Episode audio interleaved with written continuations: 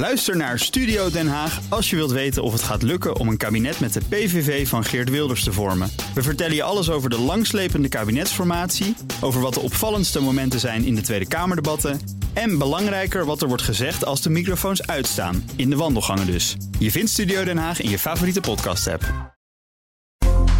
We zijn er altijd en overal. Ook op vakantie. Download de app, luister BNR en blijf. BNR Nieuwsradio. BNR breekt. Michiel Jurjens. Welkom bij BNR Breekt, de perfecte onderbreking van jouw werkdag. Straks praat ik over het nieuws van de dag. Cum laude afstuderen. Er is maar een kleine groep studenten die dat lukt. Maar als het dan lukt, is het een grote eer en prestatie. Toch zijn er geneeskundeopleidingen die er een eind aan maken... aan dat hele cum laude afstuderen. Maar waarom eigenlijk? En is dat wel een goed idee? En ja, met dit weer, er zijn veel mensen die het land willen verlaten... naar een tropisch eiland in de zon. Dat ziet ook Steven van der Heijden, de topman van Corendon. Ondanks al het natuurgeweld moet de reisbranche reizigers niet tegen zichzelf in bescherming nemen. Gaan we het allemaal over hebben tot 12 uur in mijn panel vandaag. Michiel Suiker, voorzitter van de JOVD. Goedemorgen. Goedemorgen. En Ralf Sluis, raadslid voor Hart voor Den Haag... en ook beleidsmedewerker Financiën voor de Tweede Kamerfractie van BVNL. Goedemorgen. Goedemorgen. Welkom allebei. We beginnen met... BNR breekt. Breekijzer. En dat breekijzer heeft te maken met ons salaris. Het tempo waarmee de prijzen in Nederland stijgen is deze maand wat afgenomen ten opzichte van een maand eerder, meldt het Centraal Bureau voor de Statistiek op basis van een eerste snelle raming. De inflatie kwam deze maand uit op 4,6 procent ten opzichte van dezelfde periode vorig jaar. Procentueel gezien valt dat percentage misschien mee, maar het zegt natuurlijk niets over alle prijsstijgingen die we de afgelopen jaren al te verwerken hebben gekregen. Ook blijven de prijzen van levensmiddelen nog altijd sterk stijgen. Tijd dus, volgens FNV-voorman Tuur Elzinga, om de lonen automatisch met de inflatie te laten meestijgen. Met uh, oog op de CAO-onderhandelingen die dit najaar weer gaan starten. Een leuk zakcentje dus voor werknemers. Maar niet iedereen is er onverdeeld enthousiast over. Ziet ook Menno Middeldorp, Global Head of Research van Rabo Research. Het is natuurlijk prima om met de lage werkeloosheid om er stevige loonseisen neer te leggen. Maar dat automatische prijs- of inflatiecompensatie is toch een beetje onhandig. Ja, onhandig dus. Maar waarom eigenlijk? En is het niet gewoon tijd dat wij gecompenseerd worden voor al die prijsstijgingen die we te verwerken hebben gekregen de afgelopen tijd? En zijn daarbij werkgevers niet gewoon aan de beurt om die prijs te gaan betalen? Zijn zij immers niet al jaren degene geweest die goed geld hebben verdiend aan alle winsten in de tijd dat het economisch gezien voor de wind ging? Ons breekijzer: de lonen moeten minimaal net zo hard stijgen als de inflatie. Ben je het eens met het breekijzer? Vind je het goed dat we eindelijk eens geld gaan terugzien? Van alle inflatie die ons tot nu toe vooral geld heeft gekost. Is het logisch dat deze looninflatiekoppeling nu wordt voorgesteld door de FNV? Of ben je bang dat het de prijzen alleen maar verder zal doen stijgen? Dan moeten we meer kijken naar het collectieve belang in plaats van ons persoonlijke belang. 020 468 4 keer 0. Ik wil graag van je horen. Wil je liever niet bellen, maar wel stemmen? Doe dat dan via de stories van BNR Nieuwsradio op Instagram. Krijg je aan het einde van dit halve uur een tussenstand van me. Ook bij me is Han de Jong, BNR's huiseconoom. Han, goedemorgen. Goedemorgen, Michiel. Wat is jouw mening over het breekijzer? Is het een goed idee, een koppeling tussen lonen en inflatie? Uh, nou, zo, zo hard als het in het breekijzer wordt geformuleerd, uh, zou ik er geen voorstander van zijn. Um, en ja, ik zou iets meer nuance willen aanbrengen. Uh, ik zou zeggen, uh, natuurlijk is het uh, logisch dat mensen voor prijsstijgingen gecompenseerd willen worden. En dat is natuurlijk economisch ook belangrijk. Want je wilt natuurlijk niet dat mensen op grote schaal ernstige koopkrachtverliezen lijden. Want dan zakt onze economie natuurlijk ook in. Maar ik zou de nuance willen aanbrengen dat het wel afhankelijk is van waar die inflatie vandaan komt. Als die inflatie van buiten komt, doordat bijvoorbeeld de olieprijs heel sterk stijgt uh, wat natuurlijk de afgelopen jaren op een gegeven moment gebeurt, is de gasprijs vooral. Um, ja, dan kun je de lonen wel uh, laten stijgen in lijn met de inflatie.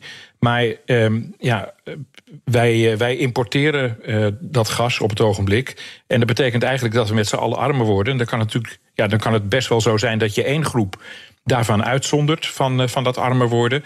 Maar dan valt die hele klap, die, ja, die valt dan op de schouders van een andere groep. Ehm, en ja, dat, dat zal de economie uit zijn evenwicht brengen, denk ik. Dus, dus de nuances, wat mij betreft, is dat je dan wel eerst, naar moet, eerst kijken moet naar waar die inflatie precies vandaan komt praat ik zo met je over door. Han, Michiel Suiker, voorzitter van de JOVD. Wat is jouw reactie op het breekijzer? Goed idee van de FNV? Nee, ik ben het er ook niet mee eens. Ik kan me heel erg aansluiten bij wat Han ook zegt. Ik, kan me heel goed, ik begrijp heel erg goed, en ik zou dat zelf ook hebben. Uh, ik werk nu nog niet fulltime. Maar op het moment dat je op een gegeven moment een voltijd baan hebt en alles wordt duurder, dan wil je uiteindelijk ook van je werkgever dat je hetzelfde kan blijven kopen. Dus dat ga je dan ook vragen. En dat moet ook in die onderhandelingen dan komen.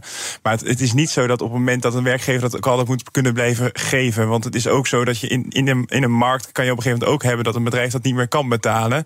En dan is de afweging ook weer voor een werkgever: oké, dit is het loon dat wat ik dan ga krijgen, dan blijf ik wel of niet in werken. En door het zo te reguleren, zorg je er eigenlijk voor dat juist ook die markt zichzelf helemaal niet meer kan corrigeren. Ralf, is dat een eh, zorg die jij eh, met eh, Michiel deelt? Ja, zeker. Het is een heel slecht idee natuurlijk om dit, uh, dit te doen. Je komt in een uh, loonprijsspiraal terecht uh, die uiteindelijk echt heel negatief gaat uitpakken. De loonstijgingen die gaan continu doorberekend worden, ook in de producten. Dus uiteindelijk gaan de producten alleen maar duurder worden. Nou, dat is de loonprijsspiraal die je niet hebben wilt. In de jaren 80 hebben we gezien dat dat buitengewoon negatief heeft uitgepakt en is dat doorbroken. Kijk, wat je natuurlijk moet doen, en dat is, daar is de ECB ooit voor opgericht, is prijsstabiliteit. En ervoor zorgen dat de euro ja, in alle alle eurolanden uh, net zoveel waard is. En dat je daar ook gewoon nou ja, rondom uh, een 2% uh, inflatiegemiddelde blijft. Maar ja, ik hoor de ECB alleen maar over genderdiversiteit en inclusiviteit en klimaatbeleid. Maar niet over prijsstabiliteit, waarvoor ze in 1998 zijn opgericht. Nou, en als je zich daar weer eens mee bezig gaan houden, dan hoop ik dat we dit onder controle krijgen. Schoenmaker, ga terug naar je leest. Dat Precies. is eigenlijk wat jij zegt. Ik ben benieuwd wat jij ervan vindt. 020 468 4 keer 0 als je mee wil praten. Ik ga naar uh, Fred van de Laar. Uh, Fred, goedemorgen. Bos, ik ben het gedeeltelijk eens met de stelling. Uh, het is zo dat uh, natuurlijk zullen mensen gecompenseerd moeten worden vanwege de gestegen prijzen. En met name als je boodschappen doet, moet je daar rekening mee houden. En daarom vind ik dat mensen met een wettelijk minimumloon gecompenseerd moeten worden. Maar niet ten volle alleen voor dat gedeelte wat nodig is. En mensen met een modaal en een bovenmodaal inkomen niet. Dankjewel. Ik uh, ga eens even kijken bij uh, Jan. Jan, goedemorgen. Wat vind jij van de breekijzer? Ja, ik, uh, goedemorgen. Ja, ik ben het er wel mee eens, maar wel genuanceerd. Uh, ik denk dat lonen mee moeten kunnen bewegen met uh, de inflatie. Of dat dat één op één moet zijn, dat weet ik niet. Uh, natuurlijk zijn er heel veel werkgevers die dit niet zien zitten. We hebben het net ook van de man van de JOVD gehoord.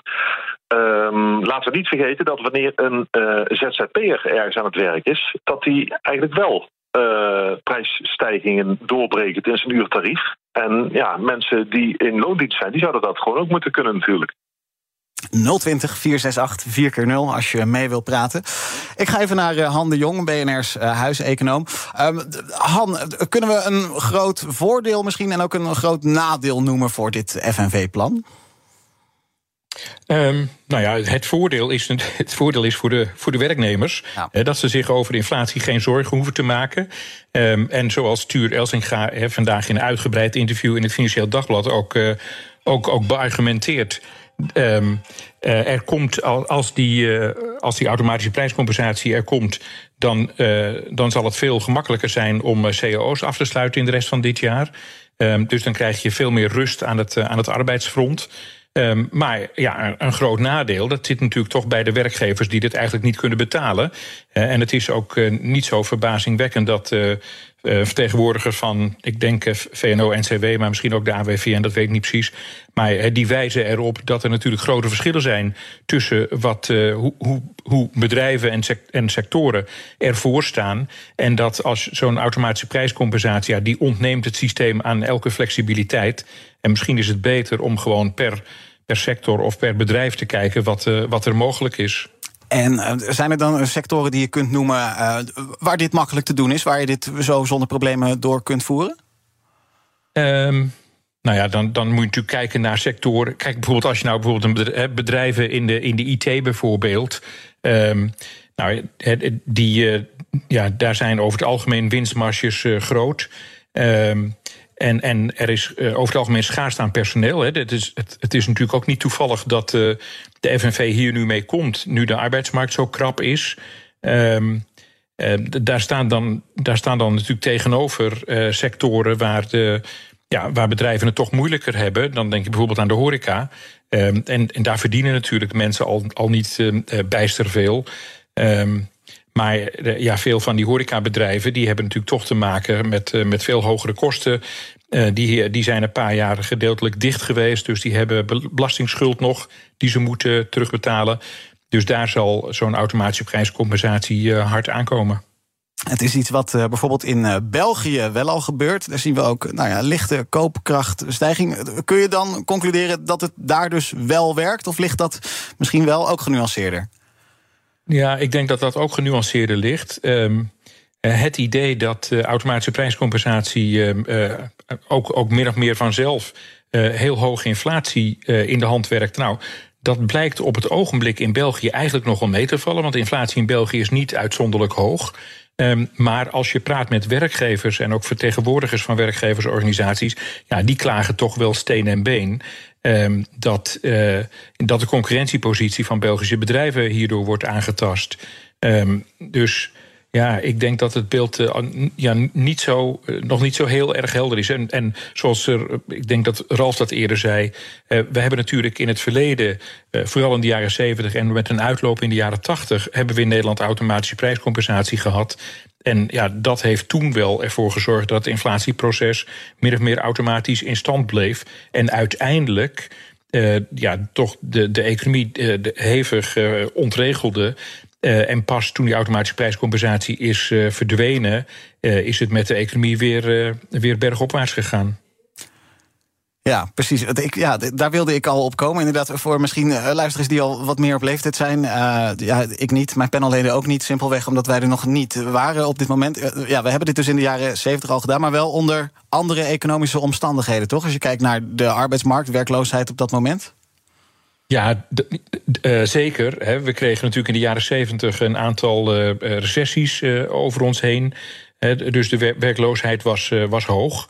Um, en nou, toen is eigenlijk hè, in het begin van de jaren tachtig met wat, wat tegenwoordig wordt genoemd het akkoord van Wassenaar. ja, is een heel andere weg ingeslagen wat betreft het economisch beleid. Is een beleid ingezet van, van loonmatiging. De automatische prijscompensatie is verdwenen. Uh, dat heeft geleid tot, uh, tot winstherstel bij bedrijven. En dat heeft weer bijgedragen aan investeringen, uh, economische groei, groei van werkgelegenheid. Um, we, we, moeten ons natuurlijk realiseren dat. Um, ja, bedrijven hoeven natuurlijk geen excessieve winsten te halen. Maar winsten zijn in ons economisch systeem wel heel erg belangrijk. Want vanuit winsten worden investeringen gedaan. En dat creëert werkgelegenheid en economische groei naar de toekomst toe. Ons breekijzer is: de lonen moeten minimaal net zo hard stijgen als de inflatie. Het is uh, fijn om Han hierover te horen. Het is fijn om mijn panelleden hierover te horen. Maar ik wil jou ook horen: 020 468 4 keer 0 Ik ga naar uh, René de Boer. René, goedemorgen. Ja, goedemorgen. Ik ben het er niet mee eens, want je komt in een, een spiraal terecht, een negatieve spiraal terecht. De prijzen uh, lonen gaan omhoog, prijzen gaan omhoog, lonen gaan omhoog, prijzen gaan omhoog. Je zou het moeten aanpakken bij de bron. En dat is uh, supermarkten maken grote winsten. Benzinemaatschappijen maken grote winsten. Banken geven nauwelijks rente nog op je spaargeld. En zo kan ik nog wel even doorgaan. Als je dat nou eens aanpakt, waardoor alles wat goedkoper gaat worden, dan is dat veel beter dan in een spiraal te komen van verhoging, verhoging, verhoging, verhoging. Klopt dat, uh, de, uh, Han? Moeten we inderdaad nou ja, naar dat soort sectoren eens kijken? Moeten die eens wat water bij de wijn gaan doen? Nou ja, kijk, ik ben daar geen voorstander van, omdat ik iemand ben die toch wel gelooft in een, in een markteconomie. Um, en wat, wat deze inbeller uh, suggereert is eigenlijk dat er ja, op, op nog veel grotere schaal moet worden ingegrepen in de economie. En ja, nogmaals, ik, ik, ik ben daar geen voorstander van. Um, ik, ik zou me willen aansluiten bij zowel wat Michiel eerder zei als wat, wat Ralf net ook zei. Uh, Ralf zei ook heel specifiek, ja, de ECB die is er voor opgericht om de inflatie onder controle te brengen. En de problemen waar we nu mee te maken hebben, die maken vooral heel erg duidelijk dat, uh, ja, hoe belangrijk het is om heel lage inflatie te hebben. En hopelijk kunnen we daar zo snel mogelijk naartoe terug. Um, op het ogenblik worden er cao's afgesloten met, uh, met loonstijgingen van, van wel een procent of acht op 12 maandsbasis. Um, dat is heel begrijpelijk. Uh, vorig jaar is er heel fors koopkrachtverlies geleden. Maar, maar loonstijgingen van 8 procent, um, ja, daar gaan we niet dan gaan we niet uitkomen bij een inflatie van 2%. En dat is uiteindelijk wel de bedoeling. Je ziet overigens wel in de ABVN-cijfers al een hele lichte matiging van die loonstijging in die, in die cao's. En ik neem aan dat dat doorzet. En ik hoop ook dat dat voldoende snel doorzet om uiteindelijk bij 2% inflatie terecht te komen. Ja, ja, want ik heb een vraag eigenlijk. Als je nu kijkt ook, de FNV en eigenlijk alle vakbonden hebben nu sinds, de, sinds het, de, nieuwe inflatie, de hoge inflatie, hebben ze eigenlijk weer een bestaansrecht gevonden volgens mij. En is dit artikel ook niet van die voorman van de FNV, die eigenlijk al lang weet dat dit eigenlijk toch nooit gaat gebeuren, want vakbedrijven zullen hier in principe nooit mee akkoord gaan. Ook gewoon een soort onderhandelingspositie alvast vertellen van joh, wij gaan vanaf nu altijd inzetten op minimaal de inflatiestijging. Want we hebben nu gezien, we kunnen dat een paar keer behalen. En is het artikel, is het niet een beetje wensdenken ook vanuit zijn kant? En is het niet gewoon ook uiteindelijk het spel wat hij nu speelt, alvast door te vertellen, joh, wacht maar. Uh, en is hij niet eigenlijk dolgelukkig stiekem dat hij ziet dat de vakbonden eigenlijk weer een, een, een herleving hebben? Dat ze eigenlijk weer een bestaanszekerheid hebben van, joh, wij zijn er weer voor werknemers. Juist omdat inflatie altijd zo'n goede onderhandelingspositie is. Ja, ik, denk dat dat, uh, ik denk dat dat juist is. En, en dat kun je de vakbond natuurlijk ook niet uh, kwalijk nemen. Want die, ja, die moeten opkomen voor de belangen van, uh, van hun leden.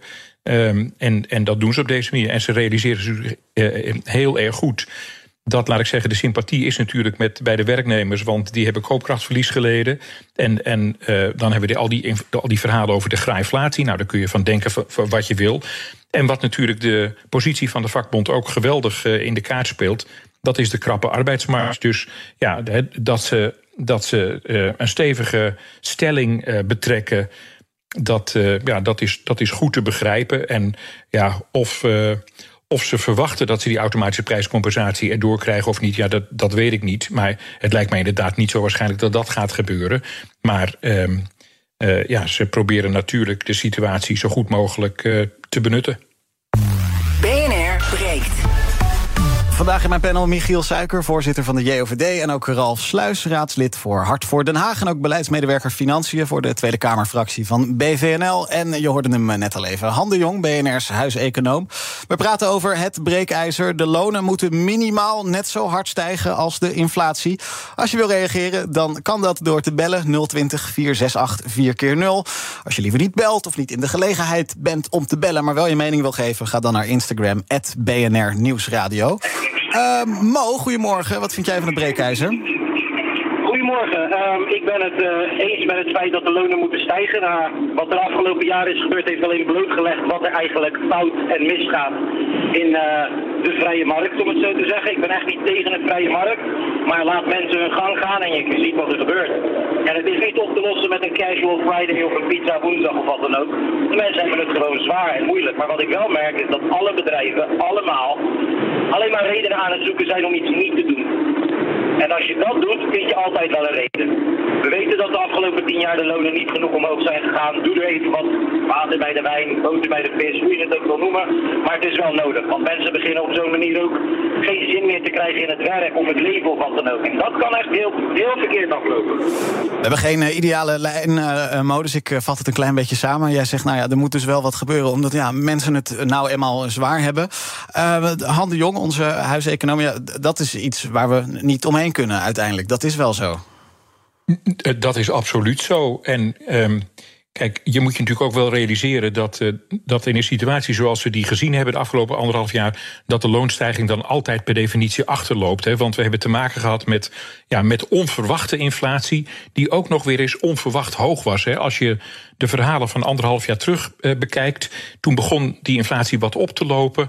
Um, nou, uh, op een gegeven moment zat ik te rekenen en toen dacht ik, de inflatie kan wel eens naar 5% gaan. Maar laat ik dat maar niet hardop zeggen, want niemand wil dat geloven. Nou ja, uiteindelijk zijn we natuurlijk veel hoger uitgekomen. En de centrale bankiers die riepen aanvankelijk ook nog, het is allemaal tijdelijk en we hoeven niks te doen. Dus die inflatie heeft ons echt een beetje overvallen. En het is natuurlijk dan logisch dat, die, dat de loonontwikkeling dan achterloopt. Dit jaar zie je natuurlijk het omgekeerde. Want nu, ehm, eh, nu stijgen de lonen eigenlijk wat sneller dan eh, de huidige inflatie eh, aangeeft. Ehm, maar ja, dat is natuurlijk logisch, want er is een, er is een, forse, er is een forse achterstand in, in te halen. Ralf, uh, even naar jou. Er zijn, nou ja, Mo noemde het net, het is gewoon een feit. Er zijn mensen die echt in de knel komen door alle gestegen kosten. Waar je wel discussie over kunt hebben, is ja, in hoeverre de werkgever dan de verantwoordelijkheid draagt om de kosten enigszins te compenseren. Hoe kijk jij daarnaar? Nou, de werkgever heeft daar zeker ook wel een verantwoordelijkheid in, maar de overheid ook. Kijk, we hebben natuurlijk ook een situatie waarin werken moet lonen. En we zien heel vaak dat extra uren werken in Nederland niet loont. Nou, en dat je daardoor misschien toeslagen verliest of dat je buiten bepaalde regelingen valt. Dus dat je de facto, als je wat meer gaat werken, omdat je zegt, nou, ik heb het wat lastiger, uh, daar eigenlijk niks aan overhoudt. Nou, in die situatie moeten we ook eens gaan oplossen. Dus aan de ene kant ook wel loonverhogingen doen, maar doe dan ook uh, de belasting op arbeid verlagen. En met name op het uh, meerwerken, nou, misschien helemaal wegstrepen. Overuren maken. Waarom maken we die niet belastingvrij, zodat je er ook echt alles aan overhoudt? Dat soort zaken, dat kunnen helpen, die kunnen helpen om het uiteindelijk ook beter te hebben. En ook belastingverlaging op gezonde producten. de overheid kan aan allerlei knoppen draaien, maar het is altijd wel de werkgever gegevensknop eraan gedraaid wordt. Ik kijk even naar de liberaal in de zaal. Alle belastingen omlaag. Ja, volgens mij zijn we allebei liberaal, schat ik toch, of niet? Ja, dat, uh, ik ben zeker liberaal. Heel goed. Ja. Nee, kijk, belasting omlaag, vooral het meerwerken zitten we, zitten we gewoon echt in een, een aardig pakket. Ja. Maar ik zit heel even te kijken naar of het een verantwoordelijkheid is voor een werkgever om lonen te compenseren. Ik, ik vind dat helemaal niet per se het uitgangspunt. Kijk, een werkgever is uiteindelijk gewoon degene die, die werk nodig heeft en die biedt daar een bepaald lood voor aan. Dus op het moment dat mensen meer loon ergens anders kunnen krijgen, gaan ze weg. En vooral in de huidige arbeidsmarkt, waarin we gewoon heel veel, heel veel vragen hebben, is het niet de verantwoordelijkheid van de werkgever. Maar de werkgever zal zien dat hij zijn personeel kwijtraakt, volgens mij. op het moment dat hij die lonen niet naar boven, uh, naar boven bijstelt. Dus het is een, te denken een beetje tegenstelling dat de werkgever verantwoordelijk is voor die werknemer. Nee, de werknemer moet goed vertegenwoordigd worden. En ik, volgens mij is het hele concept wat je nu ziet, dat vakbonden steeds sterker een positie innemen, is dat heel sterk. En die, die onderhandelingspositie, uh, dat je met elkaar gewoon gaat praten over hoe hoog die lonen moeten zijn, dat zou volgens mij moeten zijn hoe dit gaat. Dan kom je op een loon uit. En soms zal je dus zien dat sommige bedrijven dat niet kunnen compenseren. Nou, en dan is het aan de werkgever om vervolgens die eigen verantwoordelijkheid te nemen om te zeggen van ik ga wel of niet hier blijven. Dat zou volgens mij het situatie moeten zijn. Maar de werkgever is niet ook nog eens verantwoordelijk voor iedere keer als, het, uh, als de inflatie stijgt. Het is eigenlijk gewoon een, uh, een, een, marktspel van vraag en aanbod. Ik heb nog heel even 020 468 4 keer 0. Uh, meneer Huigens, goedemorgen. Ja, goedemorgen. Nou, ik heb de discussie gevolgd tot dusver. Nou, ik begrijp ook dat wat de vragen zijn. Wij moeten voor 100% gecompenseerd worden voor de prijsstijgingen enzovoorts. Ja, dat is begrijpelijk. En ik zou het ook doen in de rij gaan staan. Maar dat gaat natuurlijk nooit. En dat, dat de spiraal uh, van, van uh, dat gaat alleen maar omhoog. Waar ik aan gedacht heb is, hebben wij nog ook een centrale waar iedereen dus een, een, uh, een, een hoe heet dat? En waar iedereen zich aan zou moeten houden. En de laatste keer dat het duidelijk was, dat was direct na de oorlog. Heel Nederland lag in puin, Rotterdam lag in puin. En toen is er een, uh, een idee gekomen. Uh, we moeten het land weer op zien te bouwen. Iedereen moet daar rekening mee houden. Iedereen moet de buikriem een beetje inhouden. Dus er moeten centrale dingen worden waar iedereen zich kan vinden, bijvoorbeeld het klimaat. Dus laten we daar proberen naar te zoeken naar een, een uh, algemene oproep waar iedereen zich aan kan houden. Als je nou geld hebt, moet natuurlijk de armoede moet bestreden worden, maar beperkt. Duidelijk, dank u wel voor het bellen. Ik eh, ben even op Instagram aan het meekijken. BNR Nieuwsradio. Ook daar kun je reageren op het breekijzer. De lonen moeten minimaal net zo hard stijgen als de inflatie. 55% is het daar op dit moment mee eens. 45% houden we dan over. Die zegt zeker niet doen. Je kunt blijven stemmen. Ga naar Instagram, BNR Nieuwsradio. Zometeen praten we verder. Dan gaan we het hebben over cum laude afstuderen. Het is iets waar je trots op mag zijn. Toch wil de helft van de geneeskundestudies daarvan af. Waarom is dat een goed idee? Of is het überhaupt wel een goed idee? En ook Zweden, daar gaan we het over hebben. Dat land, iets heel anders, wil Koranverbrandingen verbieden. Is dat een slimme zet of is het een langzame teloorgang van de vrijheid van meningsuiting? Gaan we het zo over hebben. Uh, voordat we dat gaan doen, ook nog even uh, Han de Jong, onze huiseconoom, danken voor het afgelopen half uur. Zometeen heel veel meer BNR breekt. Ook Diana Matroos vind je in de BNR-app. Ja, inderdaad. Je kunt live naar mij luisteren tijdens de Big Five. Ook handig in de BNR-app. Breaking nieuwsmeldingen, maar ook het allerlaatste zakelijke nieuws. En je vindt in de app alle BNR-podcasts, waaronder Wetenschap Vandaag. Download nu de gratis BNR-app en blijf scherp. Blijf scherp. BNR Nieuwsradio. BNR breekt. Michiel Jurjens. Met vandaag in mijn panel Michiel Suiker, voorzitter van de JOVD. Fijn dat je er nog bent. Hetzelfde geldt voor Ralf Sluis, raadslid voor Hart voor Den Haag... en ook beleidsmedewerker Financiën voor de Tweede Kamerfractie van BVNL. En we gaan praten over het nieuws van de dag. Eerst maar even een vraag. Uh, Michiel, ben jij cum laude afgestudeerd? Nee, ik ben zeker niet uh, cum laude afgestudeerd. Sterker nog, ik moet mijn master nog afronden. Dus ik, uh, ik ben nog bezig, maar ik heb niet het vooruitzicht dat dat gaat lukken. Ralf, ben, jij, ben je afgestudeerd? Misschien mijn eerste vraag. Nou, ik ben het HBO ben ik afgestudeerd, dus dat is niet het, uh, het, het, universitaire gedeelte. En uh, naar mijn strikdiploma heb ik cum laude gehaald. Maar de rest is okay. dat allemaal een beetje met zesjes en zeventjes gegaan. ja, zo kan ik het ook. Mijn zwemdiploma was cum laude inderdaad. De reden dat ik het vraag is dat de helft van de geneeskundeopleidingen in Nederland... van het predicaat cum laude af wil. Blijkt uit een rondgang van Trouw bij uh, alle acht de universitaire medische centra.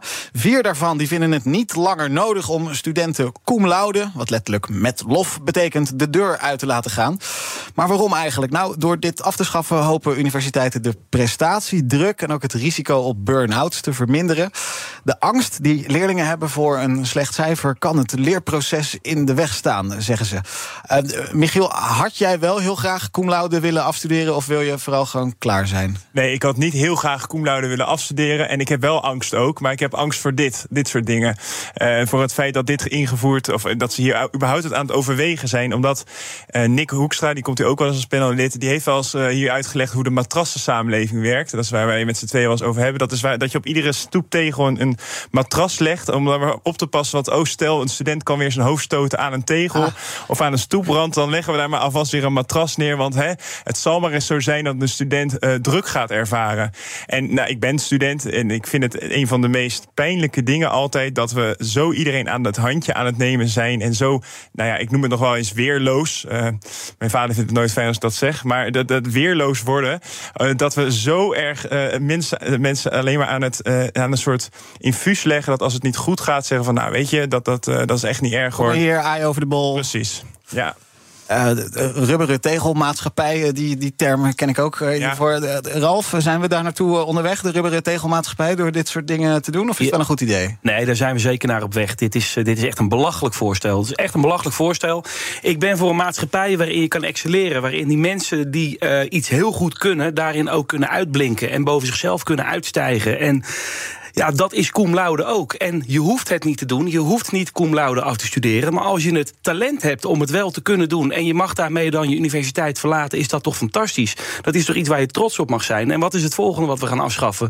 De gouden en zilveren medailles bij de Olympische Spelen... zodat we allemaal brons halen? Hou eens op, jongens. Nou, weet je dat niet ook bijvoorbeeld... dat, dat het, eh, als je voor jong en uh, op de basisschool zit... en je hebt voor het eerste een toernooitje... dan heb je dus de eerste en de tweede prijs... maar heb je ook altijd de troostmedaille. Ja. Dus oké, okay, je hebt het niet gehaald. Je bent eigenlijk niet de beste maar je krijgt wel van onze medaille. Kijk, je wordt eigenlijk van jongs af aan opgeleid, dat, dat, opgeleid, eigenlijk opgevoed, dat je gewoon niks meer uh, fout hoeft te doen. En dat alles wat fout is, dat het ook goed is. Of, of, als je ergens niet goed in bent, dat het, ook, dat het ook prima is. Weet je, ieder mens mag er zijn. Volgens mij is dat heel belangrijk. Maar gun ook en, en uh, waardeer ook de mensen die juist wel een talent hebben. Ja, helemaal eens. Ik, uh, ik ben opgevoed met het idee dat je van een dubbeltje een kwartje kan worden. En als je hard werkt en je best doet en je daar kei en kaart voor inzet, dan kun je van een dubbeltje een kwartje worden. En straks moeten we allemaal maar een dubbeltje zijn. Ja, ik, ik zie dat helemaal niet zitten. En zo zijn jullie uh, gehard en uh, moet uh, het predicaat cum laude er wat jullie betreft gaan krijgen. Maar ja, het feit is, er zijn veel studenten die tegen burn-outs aanlopen... die enorme prestatiedruk ja, voelen. Die, die... Moeten we niet ook een klein beetje die mensen tegemoetkomen? Nee, die wens ik een stukje weerbaarheid toe. En ook heel veel succes in hun verdere leven. Want als dat je grootste probleem is wat je dan hebt meegemaakt... Dan, dan wordt het leven nog heel erg zwaar. Dus als je dat op dat punt al meemaakt... Ja, dan moet je misschien van jezelf ook eens afvragen... of je wel de juiste richting gekozen hebt.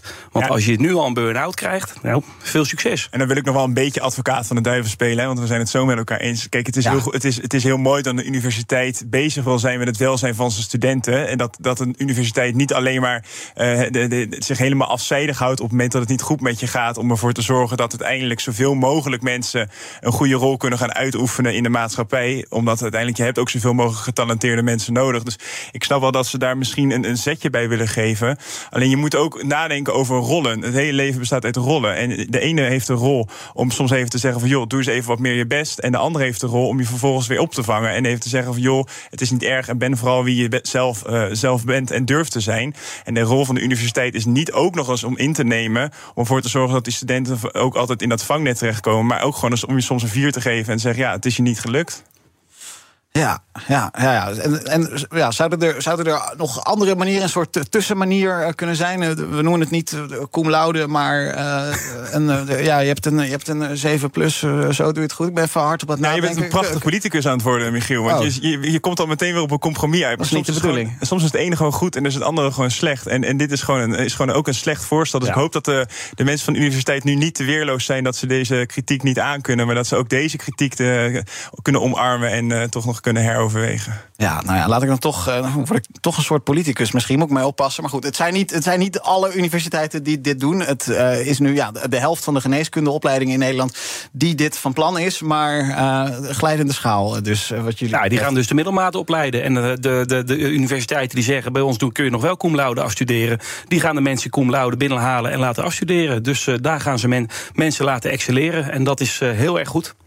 Ja, ja, er zijn ook partijen die denken ja, dat sommige studenten nu dan juist zullen kiezen voor een universiteit waar je nog wel cum laude kunt afstuderen. Dus dan kan het ook als een boemerang eh, terugkomen. Ja, zeker. En ik denk de enige wijziging die je dan in zou wel kunnen aanbrengen vanuit, vanuit de, de, de, politiek, is dat je zegt van nu is het zo dat op het moment dat studenten afstuderen, dan pas krijg je die, dat geldbedrag, waardoor, studenten, waardoor universiteiten ook heel erg bezig zijn met hoe zorg ik ervoor dat die studenten zo snel mogelijk afstuderen. Anders kom ik niet rond, heb ik te weinig financiële middelen. Daar zou je naar moeten kijken om ervoor te zorgen dat je niet de, over de universiteiten stimuleert om mensen te laten afstuderen. Want afstuderen moet niet het doel zijn. Het doel moet uiteindelijk zijn om mensen op te leiden. Daarvoor word je uiteindelijk uh, ben je, word je opgericht. Ja, maar dus ja, ja, jij niet meer cum laude uiteindelijk, dat gaat niet lukken. Hè? Nee, zeker niet, zeker niet. Maar dat levert je geen burn-out op? Uh, nee, ja, ik, ik, sta hier nog steeds uh, te glimlachen. ik zie het. Iets heel anders. Zweden kijkt naar mogelijkheden om Koranverbrandingen te verbieden. Of in ieder geval wettelijk aan te pakken. Dat heeft Ulf Christensen, de premier van het land, laten weten op Instagram. Er is in Zweden veel ophef rond die Koranverbrandingen. Volgens de huidige wet moet de politie het toestaan. Vooral Turkije spreekt zich fel uit tegen ja, het verbranden van het islamitische heilige boek. De Turkse minister van Buitenlandse Zaken heeft Zweden opgeroepen om de wetgeving aan te passen. Voor de Zweedse overheid zijn er politieke belangen die zwaar wegen. Turkije heeft bijna een jaar lang de toetreding van Zweden tot de NAVO geblokkeerd. Toen die onderhandelingen in volle gang waren, toen zijn er activisten geweest die voor de Turkse ambassade, ambassade in Stockholm Korans hebben verbrand. We hebben in um, andere landen gezien dat uh, nou ja, juist een Zweedse ambassade dan ja, werd belaagd uh, aangevallen. Ja, het is, uh, het is ingewikkeld. Je zou kunnen denken, uh, vrijheid van meningsuiting, los van of het smaakvol is. Um, ja, welke kant gaan we op als we, ja, als we dit gaan verbieden? Ja, ik vind hem heel spannend. Ik, uh, ik ben nooit voorstander van, uh, van, van überhaupt dit soort maatregelen in eerste instantie. Omdat je moet altijd de mogelijkheid hebben. We hebben ook ooit namelijk hier een geloofsdiscussie gehad, honderden jaren geleden. En die moet je kunnen blijven voeren. Omdat iedereen moet zijn mening kunnen uiten. Anders ga je juist veel extremere varianten, denk ik, altijd krijgen. Daar mensen niet meer verbaal, maar vervolgens fysiek. Hè, denk terug aan de beeldenstorm. Op een gegeven moment zo, zo, zo hun oplossing moeten gaan zoeken. Ik denk alleen dat er een grens is. En dat dat moet ieder land op, je, eh, op individueel niveau, denk ik, afwegen. Op het moment dat het gaat over haatzaaien en over onderling haat en op, opruiing. En dat het echt uit de hand gaat lopen. En dat je het doet om ervoor te zorgen dat je echt uh, de, de extreme varianten tegengaat. Maar ik vind dat de vrijheid van meningsuiting echt tot in extreme soms moet worden uitgerekt. En daar hoort ook bij dat je soms uh, een statement wil maken als activist. Nou, misschien moet je dat dan niet voor een ambassade doen, maar dat je een statement maakt om te laten zien van joh, wij zijn wel of niet voor, voor, het, voor, voor de, bijvoorbeeld het islamitische geloof. Ja, ja, ja, maar goed, eh, toch. Eh, Zweden wil bij de NAVO, die bezwaren vanuit Turkije zijn er. Ralf, begrijp jij dat Zweden toch op een of andere manier een klein beetje water bij de wijn wil doen? Bijvoorbeeld door het te verbieden dan in ieder geval voor een ambassade. En doe het dan ergens anders als je dat dan toch wil doen? Ja, ik vind het ook een hele lastige discussie. Ik, uh, ik, ja, ik moet dan altijd een beetje terugdenken aan die uitspraak die nu wel eens aan Voltaire wordt toegeschreven. Ik verafschuw wat u zegt, maar ik zal u recht om het te zeggen met mijn leven verdedigen. En zo zit ik daar eigenlijk ook wel in. Uh, de vrijheid van meningsuiting, die kan wat mij betreft niet, niet groot genoeg zijn. Maar smakeloos is het wel. En ik vind het verbranden van boeken in zijn algemeenheid iets heel raars. Boeken moet je lezen, moet je niet verbranden. En het verbranden van heilige boeken, de Bijbel, eh, de Koran, de Torah of uh, wat dan ook, waar je mensen mee kwetst. Ja, ik, ik, ik vind het onbegrijpelijk dat mensen dat doen. Maar het verbieden, ja, dat, dat, dat vind ik inderdaad schuren met de vrijheid van meningsuiting uh, die we hebben. En die volgens mij een heel groot goed is. Premier Christensen, eh, ja, die heeft natuurlijk nog een andere verantwoordelijkheid. Dat is namelijk ja, de rust een beetje bewaren. Hij geeft aan dat hij ja, extreem bezorgd is over de gevolgen van eh, ja, dit soort eh, praktijken, waarbij dus ja, de Korans verbrand worden. Is dat iets uh, wat je je voor kunt stellen, Michiel? Dat nou, het een moeilijke afweging is? Ja, de, ook moeilijke afweging, dat zeker. Maar ik denk dat hij gewoon op twee schaakborden speelt. Hij speelt tegelijkertijd nu met de toetreding van het NAVO-lidmaatschap. Waarbij Turkije volgens mij, want daar zijn ook protesten geweest. Juist tegen het feit dat ze in, in Denemarken uh, en, en uh, het andere Scandinavische land. dat ze daar bezig waren met het verbranden van, van, van de Koran. Dus volgens mij is hij en bezig om ervoor te zorgen dat er toegetreden kan worden tot de NAVO. En wil hij ervoor zorgen dat de, de opruiming niet te erg wordt. Maar je gaat je afvragen, en dat is dan toch een beetje mijn cynische kant. Daar moet ik altijd een beetje voor waken. Of het nu echt zo is dat het zo erg is, die opruiming in het land. Of dat dit ook gewoon een handjeklap is geweest van, joh, op het moment dat wij uh, de, de, de, hier een verbod op invoeren, dan willen we worden toegetreden tot, uh, tot de NAVO. Ook Liesbeth Staats vind je in de BNR-app. Ja, heel handig. Luister live naar Kees en mij tijdens de Daily Move. Dan blijf je ook gelijk op de hoogte van breaking news en het laatste zakelijke nieuws. En daar vind je ook alle BNR-podcasts, waaronder de Perestrooikast. Download nu de gratis BNR-app en blijf scherp. Edwin. BNR breekt. Dat dus straks in eh, BNR Zaken doen vanaf 12 uur. Eerst nog een eh, ruim kwartier, gelukkig maar. BNR breekt. Mijn panel vandaag bestaat uit Michiel Suiker, voorzitter van de JOVD... en Ralf Sluis, is raadslid voor Hart voor Den Haag... en ook beleidsmedewerker Financiën voor de Tweede Kamerfractie van BVNL... de partij van Wiebren van Haga. Ralf, um, jij wilde het hebben over een artikel uit het AD... Ehm, en daarin gaf jij je mening over het gebrek aan compensatie... voor een bepaalde groep ondernemers in Den Haag. Wat is er aan de hand bij jou in de stad? Ja, dat klopt. Nou, Den Haag, eh, de mensen die nog wel eens met de auto naar Den Haag komen, die zullen het weten. Uh, ligt bijna op alle vlakken open. Er is ontzettend veel, uh, wordt er aan de wegen gewerkt. Winkelstraten liggen open. En dit gebeurt eigenlijk in heel veel winkelstraten in Nederland natuurlijk. Dat kan hoognodig onderhoud zijn. Nou, alle redenen die kun je aandragen om dat te moeten doen. Maar dat resulteert er wel in dat winkels onbereikbaar zijn. En wij hebben het met de aanleg van een nieuwe tramlijn in Den Haag gezien.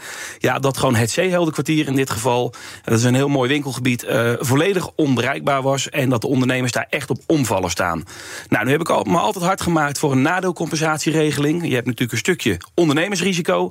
Dus als de gemeente zegt, nou, dit gaat een, een maand duren. Ja, ja, dan moet je dat als ondernemer ook wel uh, kunnen dragen. Ja.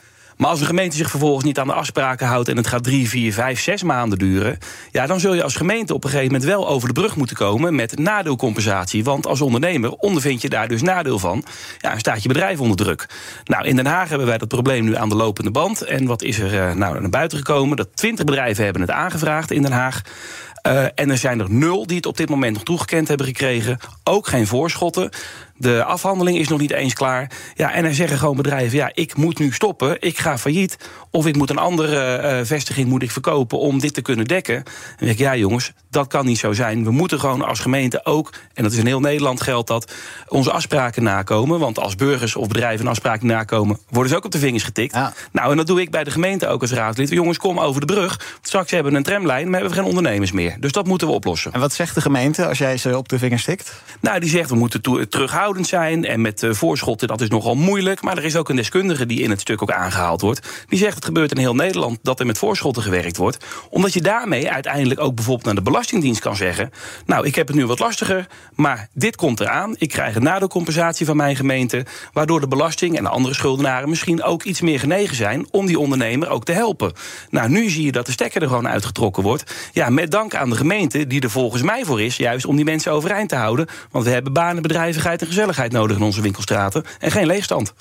Ralf, je bent nu op de landelijke radio. Eh, Waar moeten mensen die eh, in Den Haag willen gaan winkelen eh, nu naartoe? Waar, waar kunnen we die ondernemers vinden om ze een klein beetje te helpen? Waar zitten die? Nou, ga vooral naar het Zeeheldenkwartier. Prachtig winkelgebied. Je kunt er heerlijk eten, lekker winkelen. En nou, we ontvangen iedereen met open armen in Den Haag.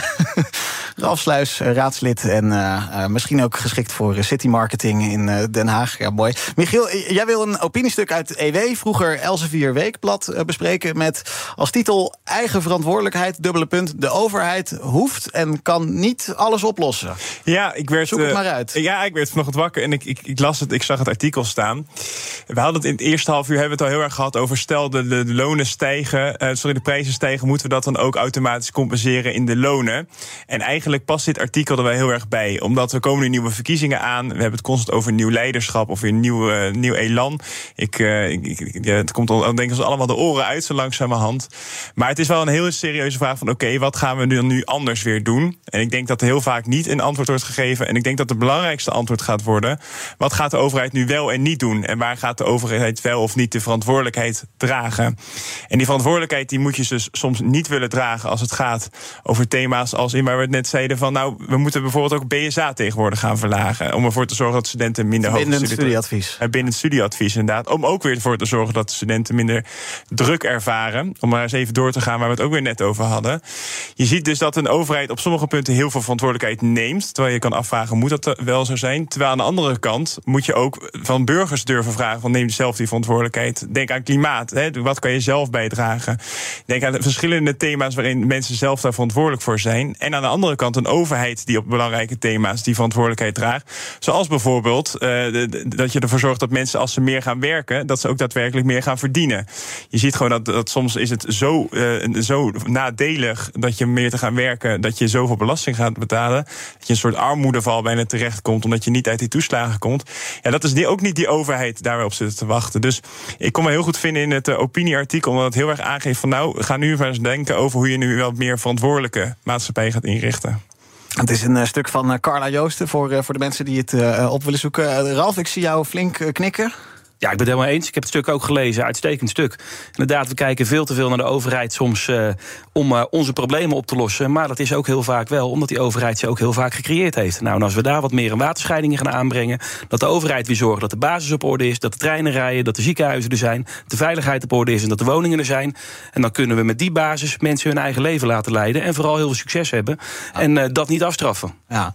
Ja, het belangrijkste wat je namelijk dan ook mee krijgt, is uiteindelijk dat, dat er meer grip op het eigen leven is. En volgens mij is de grootste ontevredenheid, als je, als je een beetje dieper op ingaat, altijd is dat je op een gegeven moment het idee hebt dat je geen grip meer hebt over je eigen leven. En dat de eigen keuzes die je maakt, dat die eigenlijk een minimale impact hebben over wat, wat, wat je eigenlijk gaat doen. Omdat er al zoveel voor je wordt bepaald door een overheid. En ook kan een overheid ze goed bedoelen. En misschien ook wel echt die, die wenselijke antwoorden voor je, voor, voor je geven. Maar het, het leert gewoon dat, dat, nou, dat noemen we dan paternalisme, dat het uiteindelijk wel heel erg veel eh, weerstand oproept. En waarbij juist ook mensen heel erg de vrijheid moet kunnen geven om, ook al zijn het de verkeerde keuzes, dus ze zelf te laten maken. Ja, ja toch, ja, toch, het klinkt. Gaat het? Ja. oh, een waterglas. Goed, niks in de toetsenborden en zo. Gaat allemaal goed. Nou, mooi. Dan kunnen we door, want ja, het, het- toch ergens klinkt het ook een beetje tegenstrijdig in mijn oren. Want ja, we noemden het al, best veel problemen in het land. Eh, woningtekort, eh, treinen die eh, niet rijden. En als ze al rijden, dan zitten ze overvol. Maar toch, de overheid, stapje terug. Snap je wat ik bedoel? Ja, ik snap wel wat je bedoelt. Alleen daar kom ik weer op wat ik net ook over rollen had. Kijk, bijvoorbeeld de treinen, bijvoorbeeld de woningmarkt, daar heeft de overheid ook een serieuze rol. En daar moet de overheid dus ook een verantwoordelijkheid dragen. Daar kan ik het wel aan vinden. Maar er zijn te veel thema's waarbij de overheid eigenlijk op, eh, op de, dus, het, eh, onder, in de ondernemerschap op de stoel van de ondernemer, maar ik zou bijna zeggen op de stoel van de burger gaat zitten. eh, om, om uiteindelijk in te vullen hoe het zou moeten worden. Dus je moet veel duidelijker durven aan te geven van joh, over sommige dingen maken we ons ook niet druk, maken we ons niet verantwoordelijk. En zoals ook in dat artikel staat volgens mij, en zoals het in Amerika ook door John F. Kennedy was gezegd, moet het de vraag zijn wat jij uiteindelijk ook voor je overheid kan doen. En niet alleen maar wat de overheid voor jou kan uh, doen. Your, your country can do for you. Ask what you, ja, precies. Exact. Tenzij, Ralf, er een eh, straat maandenlang eh, open heeft gelegen... en eh, er op een compensatieregeling wordt gewacht. Dat zijn juist de momenten, daar moet de focus liggen. Nou, Dat- laat dat nou net de rol zijn van de overheid om dat wel op te lossen. En hebben ze van gezegd, dan moeten bij de aannemer zijn. Nou, daar gaan we mis. Ja, ja, oké. oké. Ehm, laten we eens even gaan kijken naar wat er trending is op de social media. Bijvoorbeeld dit. Demi Vollering zet op een briljante wijze de puntjes op de i. Zij wint de Tour de France van. Ik geloof dat dat nog steeds een beetje moet landen, want eh, ik kan het geloof ik nog steeds niet geloven. Ik denk dat ik even een paar dagen de tijd nodig heb om eh, alles te laten bezinken met de familie. Ja, hashtag Vollering. Demi Vollering die de Tour de France Femme gewonnen heeft... na een succesvolle tijdrit. Het is het tweede jaar dat er een grote officiële vrouwelijke versie... van de Tour de France, de Ronde van Frankrijk, is. De Nederlandse vrouwen die doen het erg goed. Vollering is namelijk opvolger van Annemiek van Vleuten... als winnaar van die wielerwedstrijd. Ook trending, god, daar heb je hem weer. Hashtag Freek Vonk. Want Freek heeft met pijn in zijn hart afscheid moeten nemen van Kwak. Kwak is zijn horzol. Die is eh, zes dagen als horzol door het leven gegaan. ehm, maar daar bleef het bij, bij zes dagen. Het insect is overleden. Freek was erg betrokken bij de opvoeding. Eh, zo liet hij eh, eerder al ja, drie larven in zijn been groeien... die zich dan gingen voeden op zijn eigen lichaam. Nou jongens, daar is hij dan. Onze kwak. Kwakvonk. Knijter gezond ter wereld gekomen. Ja, knijtergezond ter wereld gekomen, maar dus voor eh, ja, een dag of zes doorgegroeid tot volwaardige eh, horzel. En ja, ook trending is restaurantketen Loetje. Die doet het erg goed in Nederland. De omzetcijfers laten zien dat we in Nederland zeker nog van een biefstukje houden. En dat kan ook vegetarisch tegenwoordig bij Loetje. Loetje spant de kroon als het gaat om omzet per vestiging. Met een gemiddelde van ruim 4,2 miljoen euro per jaar per vestiging. En daarmee komt Loetje terecht voor Van der En op eh, nummer 3 de Kutbular, de Zweedse gehaktballetjes van Ikea. Daar gaat het goed, maar ja, het gaat daar eh, dus eh, niet zo goed als het bij Loetje gaat. Heb ik Loetje-fans in de studio, Michiel? Nou, voor mij is het toch vaak iets te zout, moet ik zeggen. Ja, ja het is heel ontzettend zout. Ja, maar je kan er wel veel eten, maar ook wel echt dat je thuis komt en nou, dat je nog drie dagen aan het water moet. Ja, de, Ralf, heb jij dat wel eens dat je dan de hele nacht dorst hebt? Of is Loetje niet jouw plek? Nou, ik ben er wel een paar keer geweest. Ik vind het wel lekker. Maar ik, eh, ja, ik ben meer van de, de lokale restaurantjes. En eh Loetje is een eh, prachtige keten. En geweldig dat het er is. En ik vind het ook fijn dat heel veel mensen daar lekker eten. Maar ik kom er eigenlijk niet zo heel veel. Nee, ja, het is inderdaad ooit begonnen als een eh, lokaal restaurantje eind eh, jaren 70 in eh, Amsterdam-Zuid, als ik het niet mis heb. Maar inmiddels, ja, het is een enorme keten. Er zit ook gewoon een... een Was een slager toch eigenlijk? Ja, de- de- ja, de- nou ja, ook inderdaad. En ja, ook een beetje biefstukken erbij verkopen. Maar ja, de- inderdaad, nou inmiddels enorm. Maar eh, het, is eigenlijk, ja, het is eigenlijk een soort fastfoodketen vermomd als biefstukrestaurant. Maar goed, de zaken gaan goed daar. Tot slot, eh, Ralf Sluis en Michiel Suiker. Reisorganisaties die hebben de laatste weken flink wat kritiek op hun dak gekregen. Veel mensen nemen het organisaties kwalijk dat ze ja, gewoon maar blijven vliegen naar gebieden waar het ja, inmiddels misschien gewoon wel onveilig is. Zo horen we eh, hier een eh, reiziger die vanwege de grote vuurzee Rodos snel moest verlaten. Het is al schandalig dat Corendon ons laat vliegen. En we komen daar. En we merkten al met landen dat het donkere lucht was. Dat er iets niet klopte. En het bleek al も。Vier dagen aan de gang te zijn. Ja, deze meneer niet blij met uh, Corendon. Nou, daar wordt ook op uh, gereageerd bij monden van Steven van der Heijden, CEO van uh, Corendon. Die zegt vandaag in de Volkskrant dat hij zich er niet helemaal in kan vinden. Legt de verantwoordelijkheid nou, misschien een beetje buiten zijn bedrijf. Bosbranden op Rodos, ja, die hebben voor veel toeristen de vakantie verpest.